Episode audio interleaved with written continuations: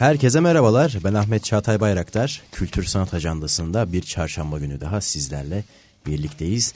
Bu hafta İş Sanat'tan güzel bir sergiyi sizlerle buluşturacağız. 15 Nisan'da e, açıldı sergi ve 9 Temmuz'a kadar da sizleri bekliyor.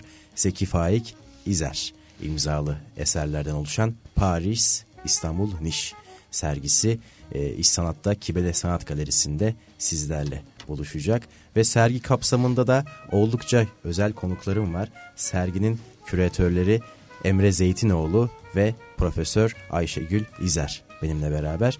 E, soyadı benzerliği şaşırtmasın Ayşegül İzer kendisi aynı zamanda Zeki Faik İzer'in de torunu. Hoş geldiniz. Hoş, Hoş bulduk. bulduk. Merhaba. Merhaba. Çok teşekkür ediyorum katılımınız için ve bu değerli sanatçımızın 118. E, doğum günü paralelinde açılan bir sergi olması bakımından da e, oldukça heyecan verici.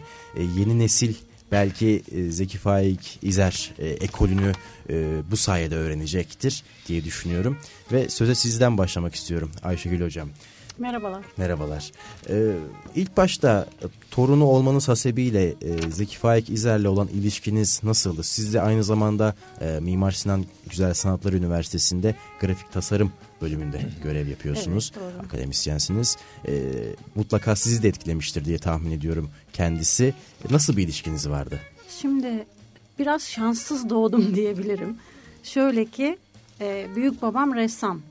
E, annem ressamdı babam iç mimarlık bölümü. Ben dedim ki aman sakın e, güzel sanatlar işlerine bulaşmayayım. Bunlardan bana e, hep eleştiri gelir. Kendimi kurtaramam dedim. Tıp okumaya başladım. Sonra vazgeçtim ama güzel sanatlara geçtim. Grafik tasarıma. Çünkü karşımda e, her şey çok ince detaylarına kadar inceleyen, düşünen, öyle çalışan ve iş diye bakmayan, bunu bir hayat felsefesi olarak alan bir büyük baba örneği oldu önümde çok sevecen bir insandı ama aynı zamanda da böyle bir mesafe vardı. Her zaman bana büyükmüşüm gibi davranırdı. Çocukluğumu yaşayamadım diyebilirim biraz açıkçası. Çünkü hep bir şey anlatırdı. O beni çok tabii ki e, geliştirdi kültürel olarak. E, yaptığı resimleri izleme fırsatı buldum. E, müzede müzede diyorum. Şu andaki sergide de var. Endişeli kuş mesela çok tipik bir örnek. Ondan yazımda da bahsettim. Çünkü e, benim için o zamanlar ben 6-7 yaşındayken mesela o resmi yaptı. E, resim çok büyük gelirdi bana. İkiye iki aslında bir şeyde boyutta merdivene çıkıp çalışırdı ve çalışmaya başlamadan önce muhakkak özenle seçtiği bir plak olurdu. Muhakkak o müziği dinleyerek e, çalışmaya devam ederdi ve bir bestecinin farklı e, yönetmenlerden e, seçilmiş plakları olurdu. Yani bir plaktan mesela Brahms'ın senfonilerinden diyelim 20 e, tane işte Sibelius'tan 20 tane e, bunları dinleye dinleye resim yapardı ve kendini kaptırırdı. Ben de düşecek bu merdivenden aşağı diye heyecanla beklerdim böyle e, nutkum tutulurdu. E tabii onun içinde o resim yaparken izlemek başka. Bir de kuş yapıyor yani bekliyorsun ki bir kuş olacak diye.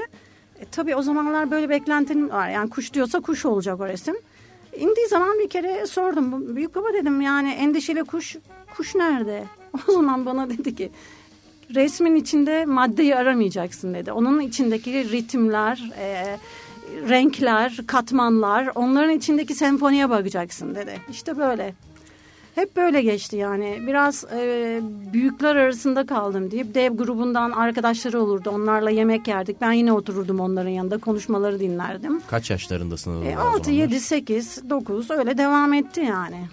E, zaten aslında anlattıklarınızdan yola çıkarak e, sanatçının üslubuna dair de e, bir şeyler çıkarabiliyoruz. Mesela düzensizliğinde müzikalite ve ritim vermeyi çok iyi bilen bir sanatçı olduğunu e, söyleyebiliriz. Düzensizlik derken aslında çok düzenli bir insandı ama e, şey olarak düzensiz derken hangi anlamda dediğimiz? Yani e, hani dediniz ya işte bir kuş Aa, evet, bekliyorum. ritimler ve e, işte katmanlar arasındaki o ilişkiyi yakalamamı isterdi. Hakikaten soyut göz yakalamak çok zordur. O soyut gözü sayesinde yakaladım. Çünkü ben onun e, çok daha eski dönemlerde e, ki çizimlerini e, bilmiyorum. E, soyut kısmına ben e, yetiştim doğduğum e, yıllar itibariyle.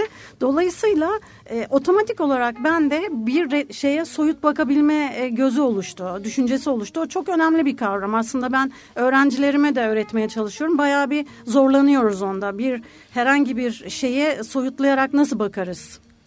Evet o açılardan çok çok çok önemliydi. Yine uzun yıllar sonra ee, ben eğitimi bitirdikten sonra ki sınavlarım bitmedi büyük babam tarafından. Mesela buluştuğumuz zamanlar her bir seferinde bir sınav gibi geçiyordu. Mesela işte bunun hakkında ne düşünüyorsun? Bu e, sanat ekolüyle işte Afrika sanatı arasındaki bağlantıyı nasıl kuruyorsun? Ya da işte Japon sanatıyla işte Selçuklu sanatı arasında bir bağlantı var mı ne dersin falan. E, bunlar üstünde konuştukça iyi yetişmişsin aferin derdi.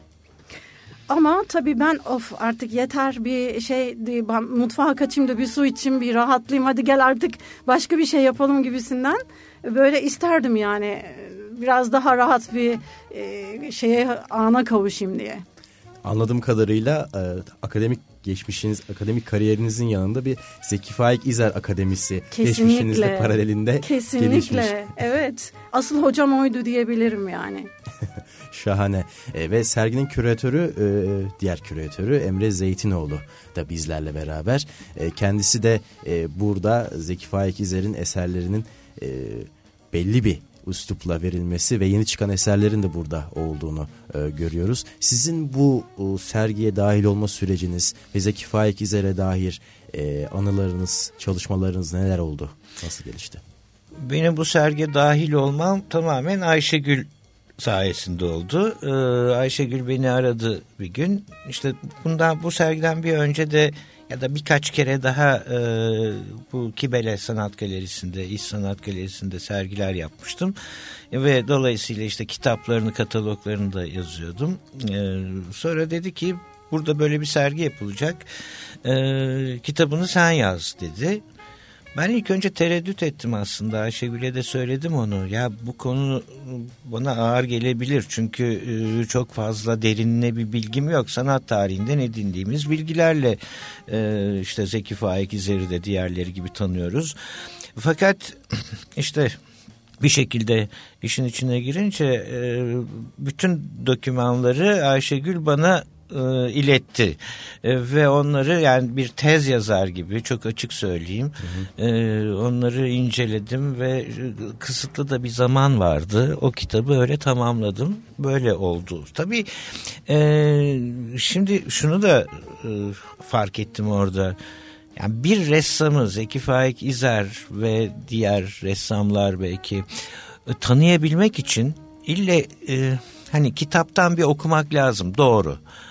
Ama eserlerini gördüğünüzde birdenbire e, şok olabilirsiniz. Yani tanıdığınızı zannettiğiniz e, sanatçının çok daha farklı yönlerini, çok daha zengin taraflarını görebilirsiniz ve düşünceleriniz asıl orada belirir. Evet. Sonra işte e, Ayşegül Üzer'in evinde bütün o e, arşivi sanat eserlerini yani binden fazla belki. Evet, e, onların arasına girip de seçmeye başlayınca e, biraz panik olmadım değil nasıl çıkacağız bu işin içinden diye. Neyse o işte ama onları görmek gerçekten işte bir sanatçıyı tanıtabiliyor insana. Sadece işte bir takım yorumları okumak, referansları görmek o kadar hani solda sıfır kalıyor desem yeri var. Ondan sonra tekrar karar veriyorsunuz. Sonra birlikte bir seçim yaptık. Hmm, ve evet bir retrospektif sergi e, niteliğinde ama kronolojik değil. e, her yerde de bunu söylüyorum. Hatta e, katalog yazısının finalinde de bunu belirtmiştim. E, beni en çok etkileyen taraflarından bir tanesi Zeki Faik İzer'in e, bir cümlesi var. Diyor ki e, yani böyle e, işte o kronolojiye, gelişme e, çizgisine filan hiç itibar etmeyen bir şekilde isterim ki diyor yani bütün yaptığım eserler ortalıkta dağınık bulunsun. Karışık, iç içe E, aralarından isteyen onlardan seçsin ve onları beğensin. Bu bana yeter diyor. Bu sergiyi de biraz karakter olarak o tarafa doğru çektik beraber Ayşegül'le. Evet ben mesela Emre ile çalıştığım için sonsuz mutluyum. Çünkü e, ben e, öznel baktım çok. Tabii o da nesnel bakabiliyor, ayırabildi. Ben kimi Emre'cim bu resim de olsun bak bu çok güzel. Ee, o diyordu ki bir dakika tamam. Hayır hiçbir zaman yok Emre'de. O, onu oraya bir koy sen şimdi. Ondan sonra biz bunları bir bakalım gelsen de şunları şunları yan yana koyalım nasıl olacaklar. Ondan sonra tabii ki onun dediği oluyordu. Güzel de oldu. Ee, çok güzel bir ayrışma yaptı. E, kronolojik olmaması da çok hoşuma gitti. Çünkü büyük babam da şimdi 1928 yaşından 1988 vefat edene kadar çalıştığı bir 60 yıllık e, iş şeyi var. E, yapıtlar bir sürü. E, o kadar çok ki içlerinden en iyisini hani hangisiyle hangisi daha iyi bir diyaloğa girebilir yan yana geldikleri zaman. Hangisini koyalım hangisini koymayalım Emre onları şahane yaptı. Böylece benim üstümden de büyük bir yükü almış oldu. Tabii ki onun çalışmaları aslında ilk baştan sona kadar böyle bir göz önüne geldiği zaman baktığın zaman birbirlerinin olan ilişkisini kavrayabiliyorsunuz. Tek tek bakarsanız o zaman diyebilirsiniz işte aa 1928 yılında yaptığı işlerle efendime 1960'larda yaptığı işler ne kadar farklıymış ama bir devinim ve bir süreç var. Kendi her zaman şey olarak baktı buna eğitim süreci gibi baktı. Hiçbir zaman durmadı. Hep kendini eğiteceğini, açılacağını işte D grubundan bile o yüzden ayrılıyor. Diyor ki beni kısıtlıyorlar diyor. Ya da işte Andrelot atölyesinde e, kübistler ben diyor kübist olmak istemiyorum ki diyor. Otto Fritz'e gidiyor bu sefer. Otto Fritz'le biraz açılım sağlıyor kendini. Oradan mozaik atölyesine gidiyor çalışıyor. Oradan Man Ray ile e, fotoğraf çalışıyor vesaire. Devamlı bir e, yaşam biçimi olarak öğrenmeyi kendine e, benimsiyor. O yüzden her mesela hocalıktan sonra da Paris'e gittiği oluyor. Yaşadığı uzun seneler oluyor. Bir müzeye gidip şövalesini koyup ama ben hocayım bunları çok iyi biliyorum zaten bu resimleri. Velázquez'i, Poussin'i, Manet'i demiyor. Oturuyor bir resim seçiyor kendine ve etüt ediyor. Baştan sona o resmi yapıyor. Böylece ne yapıyor? O sanatçının e, renklerini öğreniyor. O sanatçının renk perspektiflerini oluyor. Kompozisyonu oluyor efendim e, nasıl kurgulamış onu öğreniyor ve tabii ki bunu özümseyildikten sonra da kendine bir şeyler e, katıyor resmine. Dolayısıyla o bir gelişim içinde onu görebiliyorsunuz. Zaten türlerin arasında da e, kübizmden başlıyor evet. sanat yolculuğunu ve soyut figürlere kadar uzanıyor. Evet o da benim için bir sürpriz oldu aslında. Emre için de çok sürpriz oldu. Hiçbir kitapta bahsedilmeyen aslında bir tek resim heykel Müzesinde galiba bir iki resmi var o konuda. E, İnkılap yolunda biraz kübistik değil mi bir özellikler? Sıtkı Erinç bir iki satır. Evet. İşte bu şey e, e, şeyin eserine e, hay Allah aklıma gelmedi. E, yani bir iki tane eserde 1930'ların başında bazı kübist etkilere rastlandığını yazar evet. bir iki satır hı hı. ama e, genellikle böyle bir etkinin olmadığı yazılır Zeki Faik hı hı. E, İzer için. Sonra Ayşegül e, ben ikaz mesela, ettiği evet, zaman baktık tekrar onlara. Bütün resimleri çıkarttım ve büyük babaannemden e, Michelin Guo'dan bana gelmiş olan yani Zeki Faik İzer'in e, benim babaannemin den bana kalan intikal eden resimler vardı. Fakat onları ben e, çok iyi saklamıştım. E, açıp tekrar o resimlere baktığımız zaman Sezan'ın e, ön erken dönemleri gibi çalışmalara evet, rastladık var, ve bunlardan evet aslında çok canavar elimde fakat iyi konumda olanlar çünkü o işleri bu sergiyi yetiştirmek için restore etmek gerekiyordu. Tabii ki bir 10-15 tane resim restore ettirdim ama hepsini yapma imkan yoktu. İçlerinden en iyi durumda olanları da bu sergiye koyduk. Böylece ne 1928'lerden 1988 yılına kadar bir seçki var bu sergide ve hiç kimsenin görmediği ilk defa gün ışığına çıkmış. Hı hı. Efendim sayfaların arasından beni bulun bana bakın diyen işlerle bir araya geleceğiz şimdi. Cidden heyecan verici aslında e, sanat tarihini e, değiştiren bir evet. sergi olduğunu da söyleyebiliriz bu evet. çalışmanız paralelinde değil mi? Şimdi sanat tarihi e, tabii sanat tarihçilerle... Düz çizgi üstünde giden bir şey değil aslında evet, sanat e, tarihi. E, yani aynı şekilde bakamıyorum ben. Sanat tarihinin bir e, sistemi, bir yöntemi var. E, ben daha onun dışından sanat tarihine baktığım zaman e, daha sürprizli konularla karşılaşmayı seviyorum açıkçası. Mesela bugün Ayşegül'le de onu konuştuk. E, daha önce TRT'ye bir röportaj verdi Ayşegül. Orada bu sanat serüvenini e, Zeki Faik İzer'in kendi anılarıyla birleştirerek açıkladı. Hı hı. Yani bir hikayesi ortaya çıktı e, bütün yapıtların neredeyse. E, ben de böyle bakmayı, bir takım küçük etkilerle onları yorumlamayı seviyorum. Şimdi Mesela biraz önce söyledi kuş resmini gösterdi Ayşegül'e dedesi Zeki Faik İzer sonra işte onu ararken e, kuşa takılıp durma e, ritme bak dedi değil mi yani Ayşegül'ün evet. anlattığına göre. Şimdi benim ilgimi çeken burada başka bir şey oldu Zeki Faik İzer'i araştırırken işte o tez yazar gibi çalıştım dedim metni yazarken. Eee onu e, resimlerin arasında Ayşegül'ün evinde de gördüm o arşivin içinde. Küçük küçük notlar vardı. Yani e, küçük defter kağıtlarına işte sigara, sigara kutularının arkasına. E, arkasına kibrit kutulara falan bir şeyler yazmış Zeki Faik. Ve onları e, bazı kitaplarda e, işte hepsini olmasa bile birkaç tanesini aktarmışlar bize. Hı hı. E, şöyle yazmıştı burada böyle yazmıştı filan diye. Şimdi mesela kuş resmine takılma şey e, ritme takıl. E, mesela o şeylerden bir tanesinde sigara paketinin arkasında diyor ki modele takılıp resmi kaybetmemek lazım diyor. Şimdi o demek ki böyle şeyler var. Ee, bir teorik düşünce var. Ee, bir tarafta diyor ki mesela o da beni e, etkilemişti çok hoş ve kendi e, sanatıyla birleştirdim onu zihnimde Zeki Faik İzer'in. Diyor ki kuramlardan iyi eserler çıkmaz diyor. İyi eserlerden kuram üretilebilir ancak diyor. Hı hı. Şimdi bu tabii tamamen e, akademik ortamın dışında daha serbest bir konuşma evet. ya da serbest bir düşünce. Akademizme takılıp kalsaydı şayet ki hocadır hep hayatı hocalıkla geçmiştir yani. Fotoğraf atölyesini kurmaktan, resim atölyesinin başında olmaktan grafik vesaire bölüm grafik bölümünü açmaktan bölümü. hep e, yani hocalıkla uğraştı. Buna rağmen eğer akademizmden uzaklaşma olana sağlayabiliyorsa kendine bu benim ilgimi çeken bir şeydir. Yani kura, kuramları kendisi üretmeye başlıyor. Mesela bir şey daha var. Biraz lafı uzattım ama sonra hemen bırakacağım Ayşegül'e. Ee, bir şey daha hoşuma gitmişti. Ee, Özdemir Altan çok Hı. beğenir Zeki Faik İzer'i.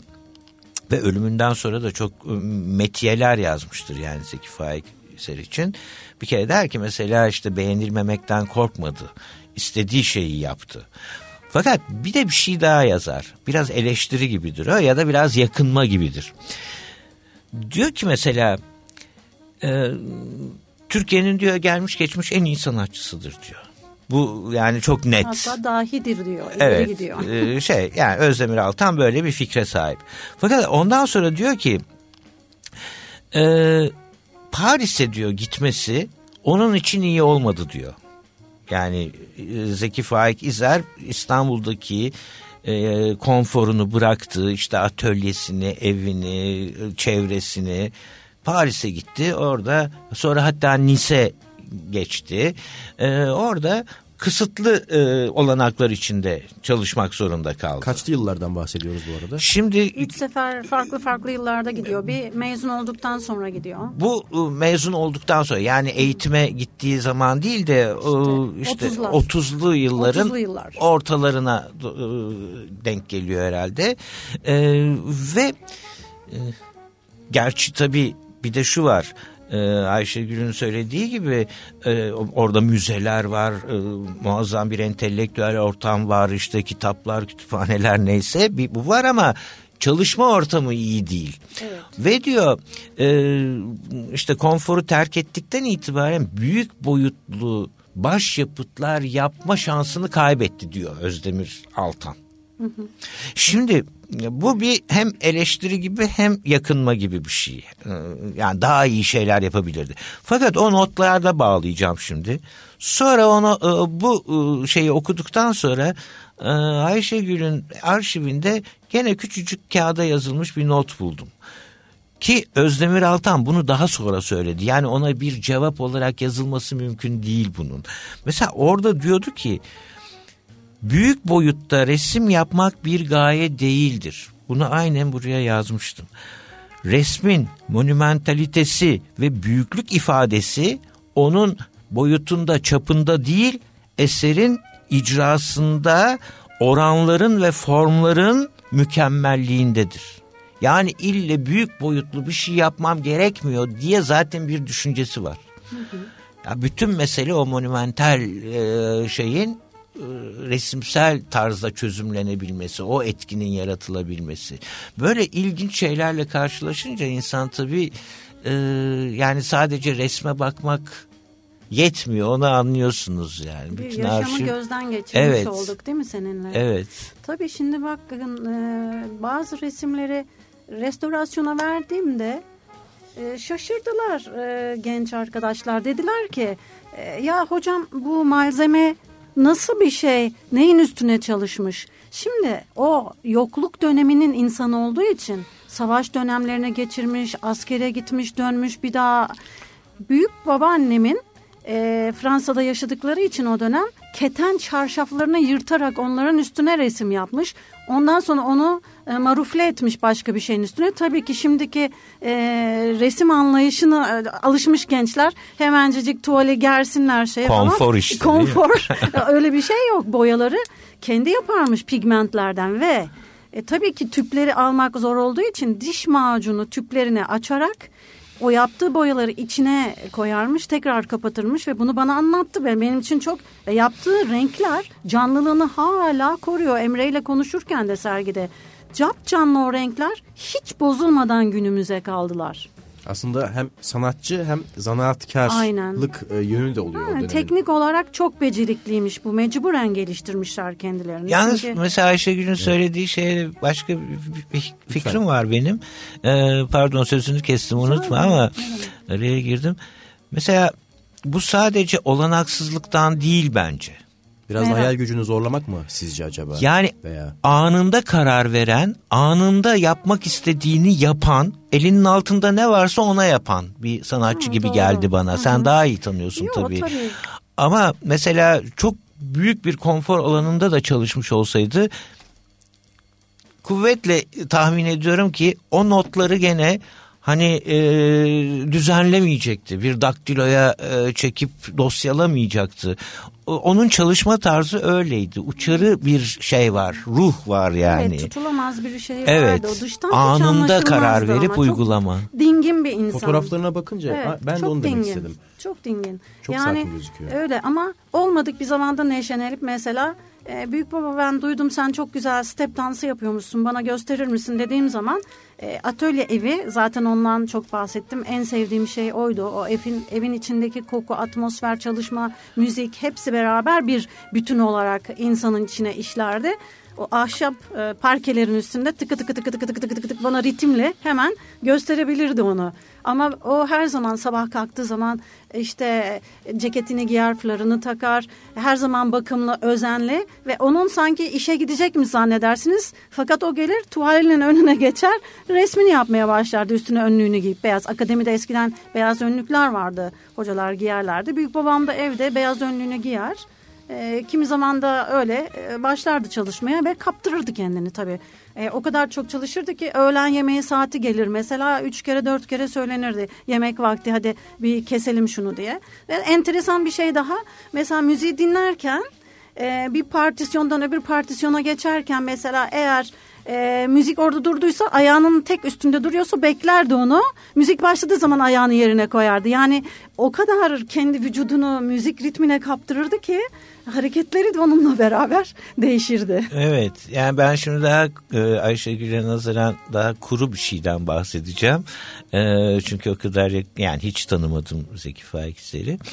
E, mesela bu hareketli hayat, ani karar verme, oradan oraya yani bir yerinde duramama, e, oradan oraya e, keşif yapma için seyahat etme.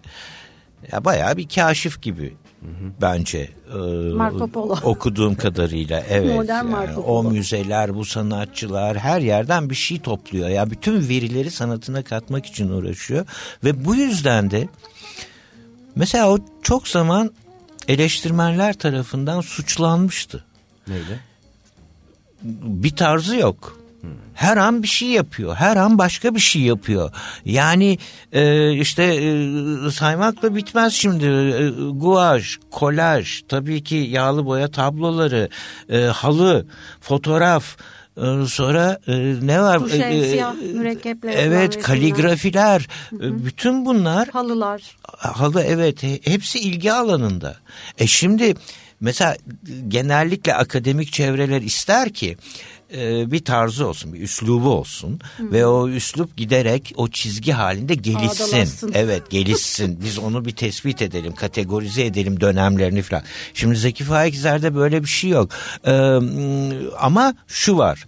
Bunlar arasında ba- ince bağlantılar var. Mesela kolaj yapıyor. O kolajları sonradan e, şeye çevirmeye, halıya halı tasarımına çevirmeye başlıyor. Halı tasarımına çeviriyor. Bakıyor ya biraz sert oldu geçişler, lekeler, desenler.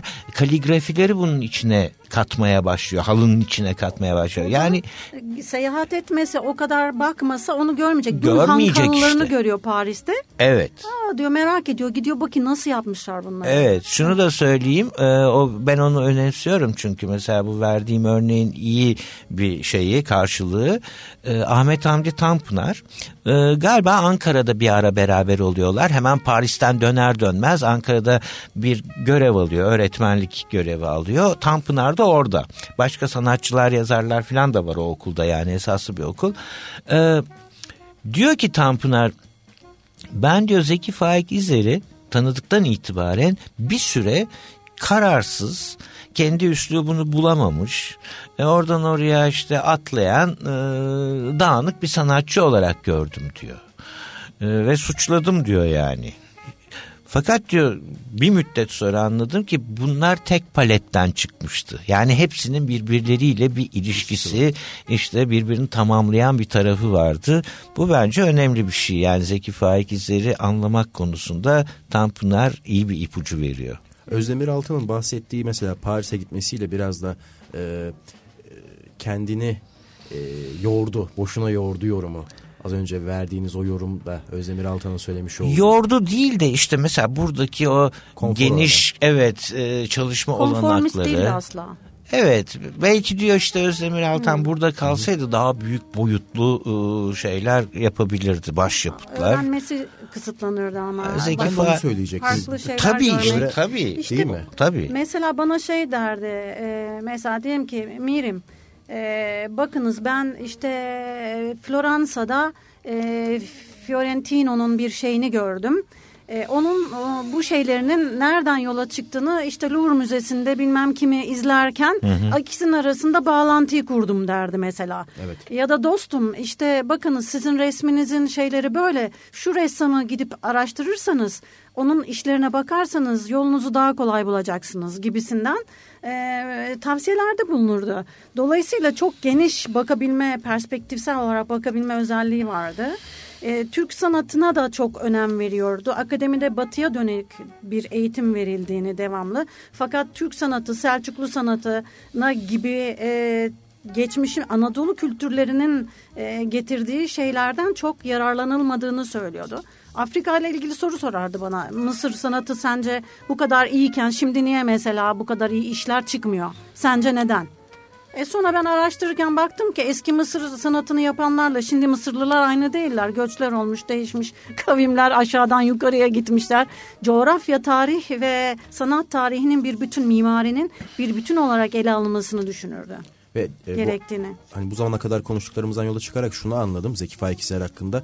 Konfor alanını terk edebilecek oranda Cesaretli. kendini geliştirme aşığı, e, yeni şeyleri öğrenme meraklısı Evet. ve cesur bir Aynen. insan olduğunu anladım. Tabii o kararı başka bir konfor alanına transferini sağlıyor tabii. Yani Özdemir Altı'nın e, söylemediği şey o aslında. Yani burada otursaydın e, daha iyi atölye koşullarında daha e, büyük resimler yapabilirdin diyor ama e, Zeki Faikizler'in düşüncesi başka bir konfor alanına transfer olmak işte Ayşegül'ün söylediği gibi e, Sezanlar, Matisler hepsi gözünün önünde ve oralardan Bıraklar, muazzam yani çalışmalar yapıyor. Ve bakın Guggenheim Müzesi büyük babamdan özellikle resim alıyor iki tane. Yani özellikle Zeki Faik İzeyir seçtik diyorlar. O zaman düşünmek lazım bunun üzerinde. Acaba neden? Çünkü e, hocasının izinden korkakça devam eden ressam olmak yerine farklı sulara açılmayı, o riski göze almayı, beğenilmekten korkmayan, e, o riskleri e, hemhal eden kendi işinde, kendi diline çeviren bir ressam oldu sonuçta. Özdemir Altan'ın söylediği şey odur zaten. Der ki hiç akademizmin o e, klişelerine kapılmadı. Ve bunu Yani disiplininden, söyle. çalışma disiplininden kaybetmeden. Hiçbir Evet. zaman. İbadet eder gibi bak diyorum çalışırdı. Yani öyle diyeyim ben. Çünkü e, bitmez tükenmez bir enerjiyle çalışırdı. Bu aslında bu an- anlatımlarınızda da e, şu an güzel sanatlarda okuyan e, sanatçı adayları demeyeceğim. Sanatçılara da e, bir örnek olabilecek nitelikte bence. Sanırım bence öyle yani bana olduğuna göre onlara da olur. E, bir de şey var. Mesela Zeki Faikizler gibi çalışan e, yani dinamik ya da geç anlaşılan diyelim. Yani işte dağınık diyorlar. Sonra diyorlar ki aa değilmiş. Bunların aralarında bir ilişki varmış falan. Biraz sinir sisteminin sağlam olması lazım. Şimdi bazı notlar bulmuştum ben. Ee, mesela onlardan bir tanesi şu işte bu D grubuyla birlikte çalıştığı sıralarda sergi açıyorlar. Şimdi D grubu aslında işte 1933'te e, kuruluyor. Dört kişiyle Zeki Faik'in de içinde bulunduğu, İzer'in de içinde bulunduğu e, neyse e, ve bunların tek amacı şey e, son derece özgürce resim yapacağız. Yani bunların bir manifestoları yok, bunların bir e, siyasi tarafı yok. Yani ya da sanatın ideolojisini şu şekilde savunacağız diye. Hepsi ayrı ayrı şeyler yapıyorlar. Sonra gerçi D grubu e, kalabalıklaşıyor ama ilk anda mesela böyle bir şey. Şimdi Buraya yabancı olan şeyler yapmaya başlıyorlar tabii. Yani geleneksel bir sanatla alakaları yok. Ne gördüyse herkes dışarıdan e, işte müzelerden bilmem ne onun nasıl sanatını aktardıysa e, onları ortaya koymaya başlıyorlar. Mesela bi- 1934 yılında Beyoğlu Halk Evi'nde açılan ikinci D grubu sergisinde Zeki Faik İzler'in e, şeylerinde var bu konuşmalarında. Bir tanesi ona şöyle bir soru soruyor. Diyor ki müsaade ederseniz size bir şey sormak istiyorum. Bu iki beygirden o işte adamın sorduğu şekilde iki beygirden bir tanesi daha silik olmuş yani. Bunda bir hata yok mu diyor. Şimdi bütün bu e, işte gelmişsiniz Louvre'lardan bilmem nelerden ve yeni bir resim anlayışını serbestçe yapmak ve göstermek istiyorsunuz. Sonra iki beygirden bir tanesi. Bu olabilir yani. Herkesin entelektüel olması, resme böyle bakması şart değil. Ama dediğim gibi işte sinir sistemi ne kadar sağlam olursa insan onun peşinden o kadar kendi sanatının peşinden o kadar e, sağlam gidebiliyor demek ki. Şey de diyor zaten e, resim diyor beğenilip beğenilmemek diyor. O kişinin entelektüel yapısına, geçmişine, ondan sonra iyi niyetli, olup olmadığına e, de bağlıdır diyor. Yani bir resmi algılamak için aslında e, Zeki Faik olsun veya başka birisi olsun biraz e, uzaktan bakabilmek lazım. Evet. Şimdi sanat tarihi böyle bir şey. E, çok kısa sürede gelişiyor gibi baksak da aslında o tarihi uzun sürecinde bir küçücük nokta gibi hiçbir şey değil yani o. Şimdi Türkiye'de öyle bir sanat tarihçisi çıkacak. E, o dönemi Türkiye'nin o dönemini ve oradan nasıl yetişmişler onu anlayabilmek için bu çocukların Cumhuriyet döneminde yurt dışına gönderilmeleri Tabii. E, Cemal Tollu olsun Zeki Faik olsun işte e, Sabih Gözen olsun bir sürüleri e, yurt dışına gidiyorlar farklı ülkelerde çalışıyorlar onları getiriyorlar birbirlerine tartışıyorlar. E, hatta senin aldığın eğitim daha iyi benimkinden. Çünkü o sırada ekspresyonizmler Almanya'da çıkmış. Daha ekspresyonist işler çıkıyor. İşte siyah bir renktir diye hocası dediği gibi dediği için e, Picasso'nun siyah bir renktir sergisine gittikten sonra siyah rengi de resme katması gibi ekspresyonistler zaten siyahlarla lekesel Katekolwitzler olsun bilmem kimler olsun Max Beckmann'lar olsun hepsi zaten siyahlarla çalışıyorlar. Yani dünyanın e, tabii ki şu anda dünya çok küçüldü internet e, var ama o zamanlar seyahat edip öyle oradan oraya buradan buraya zıplayarak gitmek çok mümkün değildi. Şimdi, evet. Şimdi yani her şey avucumuzun içinde o etkiyi de görüyoruz bu etkiyi de oradan harmanlıyoruz. Bir şey çıkarabiliyoruz ama onlar gittikleri zaman oralarda kalıp etüt edip eğitim alıp gelip onları aktardılar. Aktardılar ama bir şeyler oldu işte. Yani mesela neden iki beygirden bir tanesi? E, bu çok da bir safça e, Belki yani iyi niyetli bir soru. iyi niyetli öğrenmek için Öğrenmek olabilir E, ve nazikçe sorulmuş bir soru. Fakat bir de şöyle şeyler var. Mesela D grubunu düşündüğüm zaman yine e, Ayşegül'le çalışırken ki süreçte aklıma gelmişti böyle bir şey. Çok fazla bunun üstünde durmadım ama mesela D grubu biraz önce dediğimiz gibi bir özgürlük üzerine işte Cihangir'de Yavuz Apartmanı'nda değil mi toplanıyorlar. Diyorlar ki bunların tek bir derdi var. Ee, işte istediğimiz şeyi özgürce yapacağız yani. Hı hı. Orada da akademizmaya karşı bir sergi Hem şey de nasıl aslında, tabii. Evet. Fakat sonra mesela bunlar resmi ideolojinin sanki e, her ne kadar tabii Cumhuriyet döneminde e, yurt dışına gitmeleri tabii ki e, o rejim sayesinde oldu. Yani o özgürleşme. Ama döndükten sonra bunlar D grubu bir resmi sanatçı grubu değildi. Hı hı. Ama bunlara o yüklenmeye başlandı. Hı hı. Yani işte mesela işte bu sanatçı e, sanatçıların, eleştirmenlerin e, genellikle şöyle işte bunlar Cumhuriyet'in çocuklarıdır, Atatürk'ün çocukları olabilir. Yani o olanaklardan yararlanmışlardır ve onların sayesinde gitmiş olabilirler. Ama mesela D grubunun manifestosunda böyle bir şey yok. Bir özgürlük isteği var. Hepsi bu. Şimdi sinir sistemine e, bağlarsam işi orada da sağlam olması lazım insanın sinir sisteminin. Çünkü bir baskı da var Baskı aslında. var işte evet. Hep herkes onun üstüne yapıştırıyor şeyi. bir sorumluluk yüklenmeye çalışıyor. Sizin Cumhuriyet ideolojisini Evet. tekrar resme E aktarabileceğiniz. Ankara'ya- aktarmanız gerekir yani. Ankara'ya gönderiliyor biliyorsun görevli olarak bir Evet. okula. Orada olmuyor yani onun için. Biraz Ankara'da çalışıyor. Sonra İşte Sivas'a Tanpınar'la gidiyor. karşılaştıkları zaman Evet. evet. E, sonra Sivas'a gidiyor orada çalışıyor biraz falan oradaki etüt ediyor resimler yapıyor ki elimizde var sergide şimdi o bir sürü köylü kadınları işte manzara resimleri falan var o dönemlerden fakat akademizmeden kaçıp D grubunu kuruyorlar D grubundan da kaçıyor kendini özgürleştirmek için. Evet Bu, çok güzel e, bir anı o evet. e Yani sı- bir şeye bağlı kalıp o sınırların içinde olmak ve üstüne o yaftanın yapıştırılmasını istemiyor.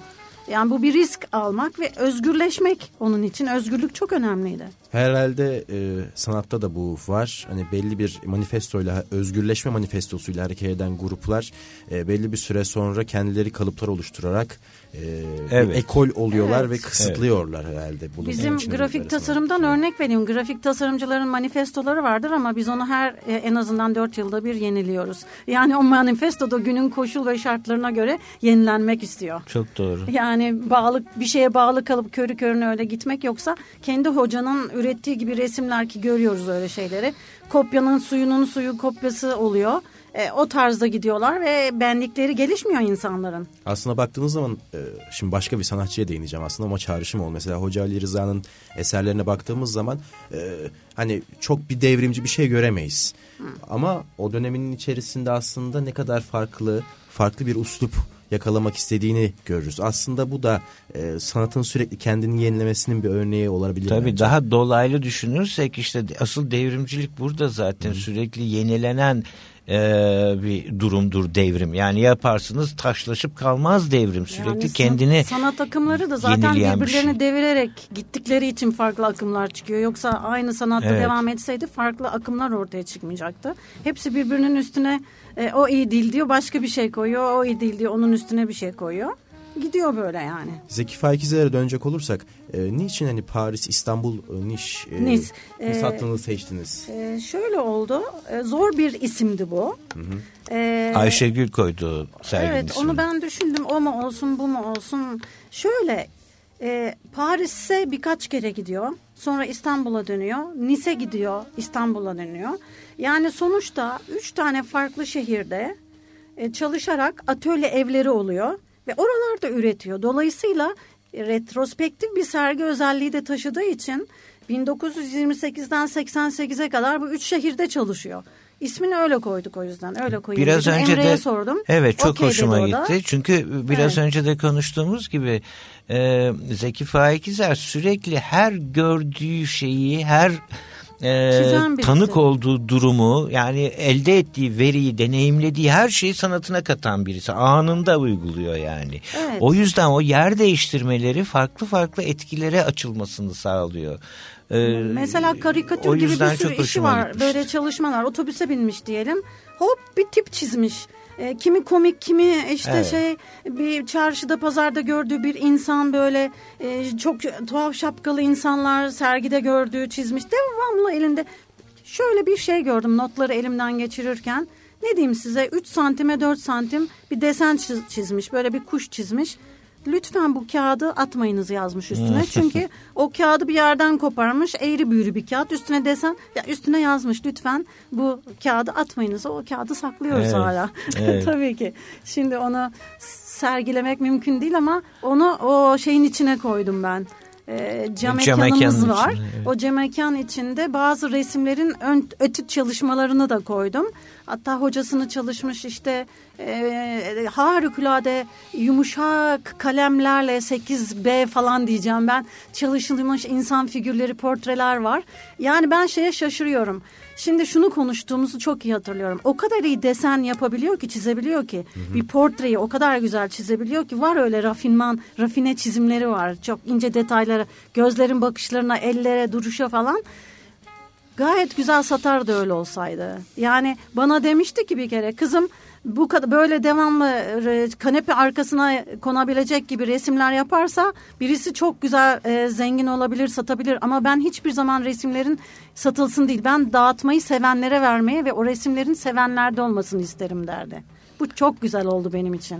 Peki e, sergi kapsamında bu sevenlere dağıtılan resimler e, hani sergide buluşabildi mi? Buluşabildi aslında bir kısmı evet. Bir, ve anlatımınızdan yola çıkarak e, coşkuyla üreten bir sanatçı. Her tarafa yazı yazan, sigara kağıtlarına, ufak not kağıtlarına desen çizen, notlar evet. alan bir sanatçıdan bahsediyoruz. E, burada aslında arşivinin hala bulunması ve düzenli şekilde olması da büyük bir başarı. Bunu ne kadar doğru olduğunu bilemem ama ben e, yıllardır e, o arşivi toparlamak için bayağı bir uğraş verdim, e, vermeye de devam ediyorum. Çünkü çok uzun bir yaşam süresinden e, söz ediyoruz. E, ister istemez notlar oraya buraya dağılmıştı. Fakat ben buldukça onu aldım, kenara koydum. Onunla öbür bağlantıyı kurdum. Mesela eski Türkçe mektupları var elimde. Hı hı. O kadar e, şey yapmak istiyorum ki onları deşifre ettirmek. Çünkü belki akademiye ilişkin bir sürü bir şey. Çünkü akademinin tarihinle özdeşleşecek bir yaşamı var. Hı hı. E, onlara ilişkin e, bazı notları bulabiliriz e, belgeleri bulabiliriz içinde. Efendime söyleyeyim başka yazılmış sergilerle ilgili e, sergi açılışında konuşmaları var. Başka birisinin e, açtığı sergi için yazdığı konuşmalar var.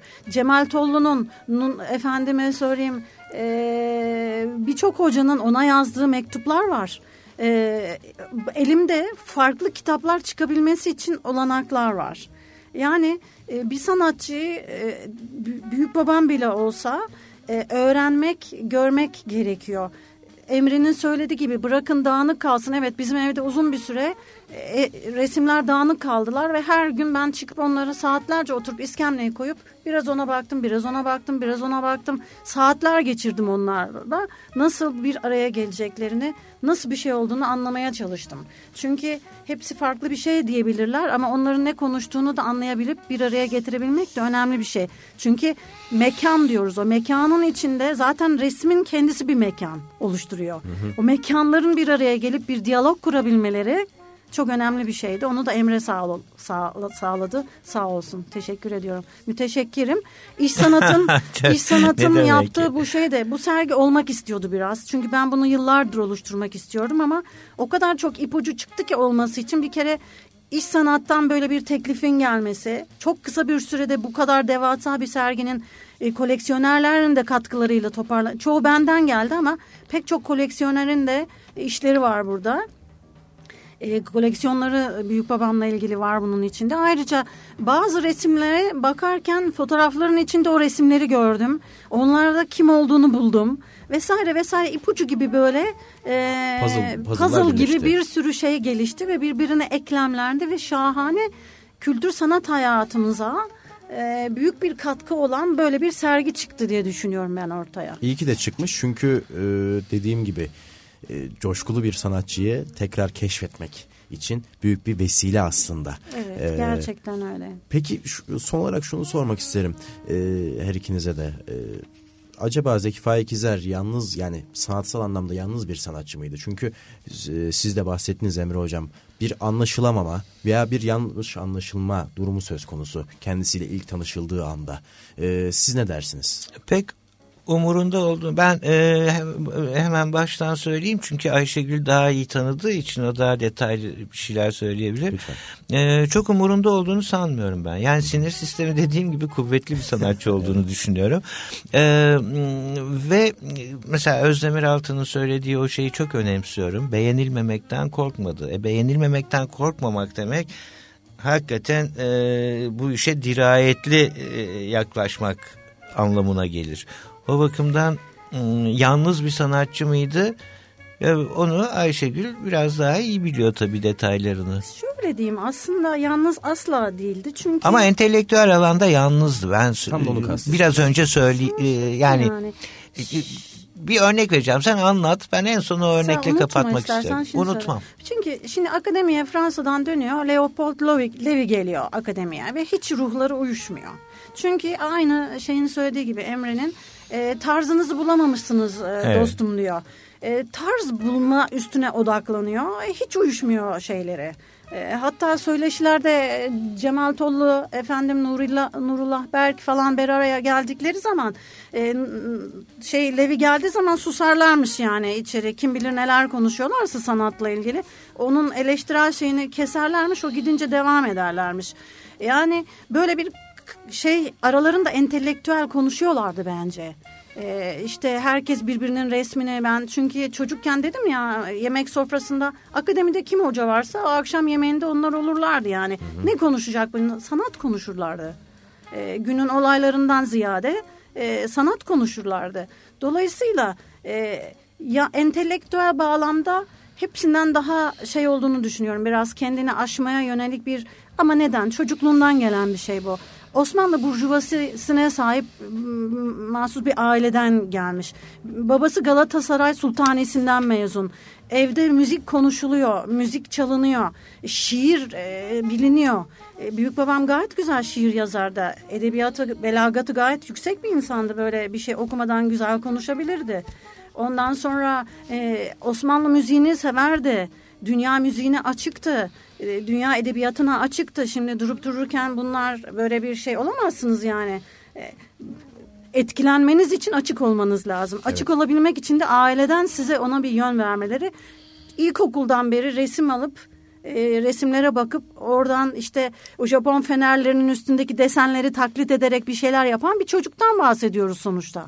Aslında işin sırrı biraz da kendine güven ve e, yetiştirilişteki e, işte çok yönlülük ve güçlü evet, olma aynen. E, durumu söz konusu. Katılıyorum. Onun dışında e, sanatçı eğer kendine güveniyorsa ve kendini iyi yetiştirdiğini düşünüyorsa e, biraz da e, bildiği yoldan devam edebiliyor. Tabii, aynen. Siz bir şey anlatacaktınız İşte hocam. o, aynı o bildiği yoldan nasıl devam etti ve işte iki beygir hikayesinden e, pek fazla ayrılmayan bir şeyler var. Mesela Peyami Sefa da onun üzerine bir şeyler yazmıştı. Hatta D grubunu işin içine katarak. Mesela diyordu ki işte e, biliyoruz ki işte D grubu Elif Naci var değil mi? Zühtü Müritoğlu var. Sonra e, şey Nurullah Berk var ve Zeki Faik. Sonra şey Abidin katılıyor. E, evet Turgut Zaim'le e, Bedri Rahmi katılıyor. Altı kişi oluyorlar ve bunlar bir sergi açıyorlar. Sonra işte o serginin e, şeyleri oluyor. e, Eleştirileri bilmem neleri. E, Peyami Sefa diyor ki bunlar arasında diyor bağlantı kurmaya çalışanlar var diyor. Yani e, işte tam dediğim gibi bir kalıba sokacaklar bunları. Bir ideoloji yükleyecekler filan falan. Halbuki diyor bunlar diyor bir altıgendir diyor ve bu altıgenleri diyor yan yana getirdiğiniz zaman diyor buradan çıkarsanız çıkarsanız diyor altıgenlerin yan yana benzol formülü çıkartırsınız diyor. Bunlar diyor arkadaş olmaktan başka hiçbir bağlantıya sahip olan sanatçılar değildir diyor. Alay ediyor yani şey e, ortalıkla Peyami Sefa. Şimdi işte onun için gene aynı yere dönüyorum. Sinir sisteminin hakikaten yani bu bütün bunlara maruz kalan bir sanatçının hakikaten çok güçlü olması lazım ki bildiği yolda sizin dediğiniz gibi yürüyebilsin yani.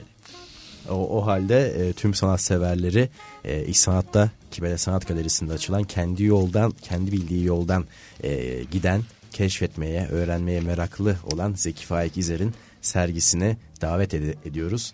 9 Temmuz'a kadar açık. Çok teşekkür ediyorum katıldığınız Biz için. de bu güzel Teşekkür söyleşi için ederiz. size teşekkür ediyoruz. Ben teşekkür ederim. Evet, e, Profesör Ayşegül İzer ve Emre Zeytinoğlu ile Zeki Faik İzer'in Paris, İstanbul, Nice sergisini konuştuk. 9 Temmuz'a kadar İş Sanat Kibele Sanat Galerisi'nde gezilebilir. Ben Ahmet Çağatay Bayraktar, Kültür Sanat Ajandası'nda haftaya çarşamba tekrar görüşmek dileğiyle. Hoşçakalın, kültür sanatla kalın.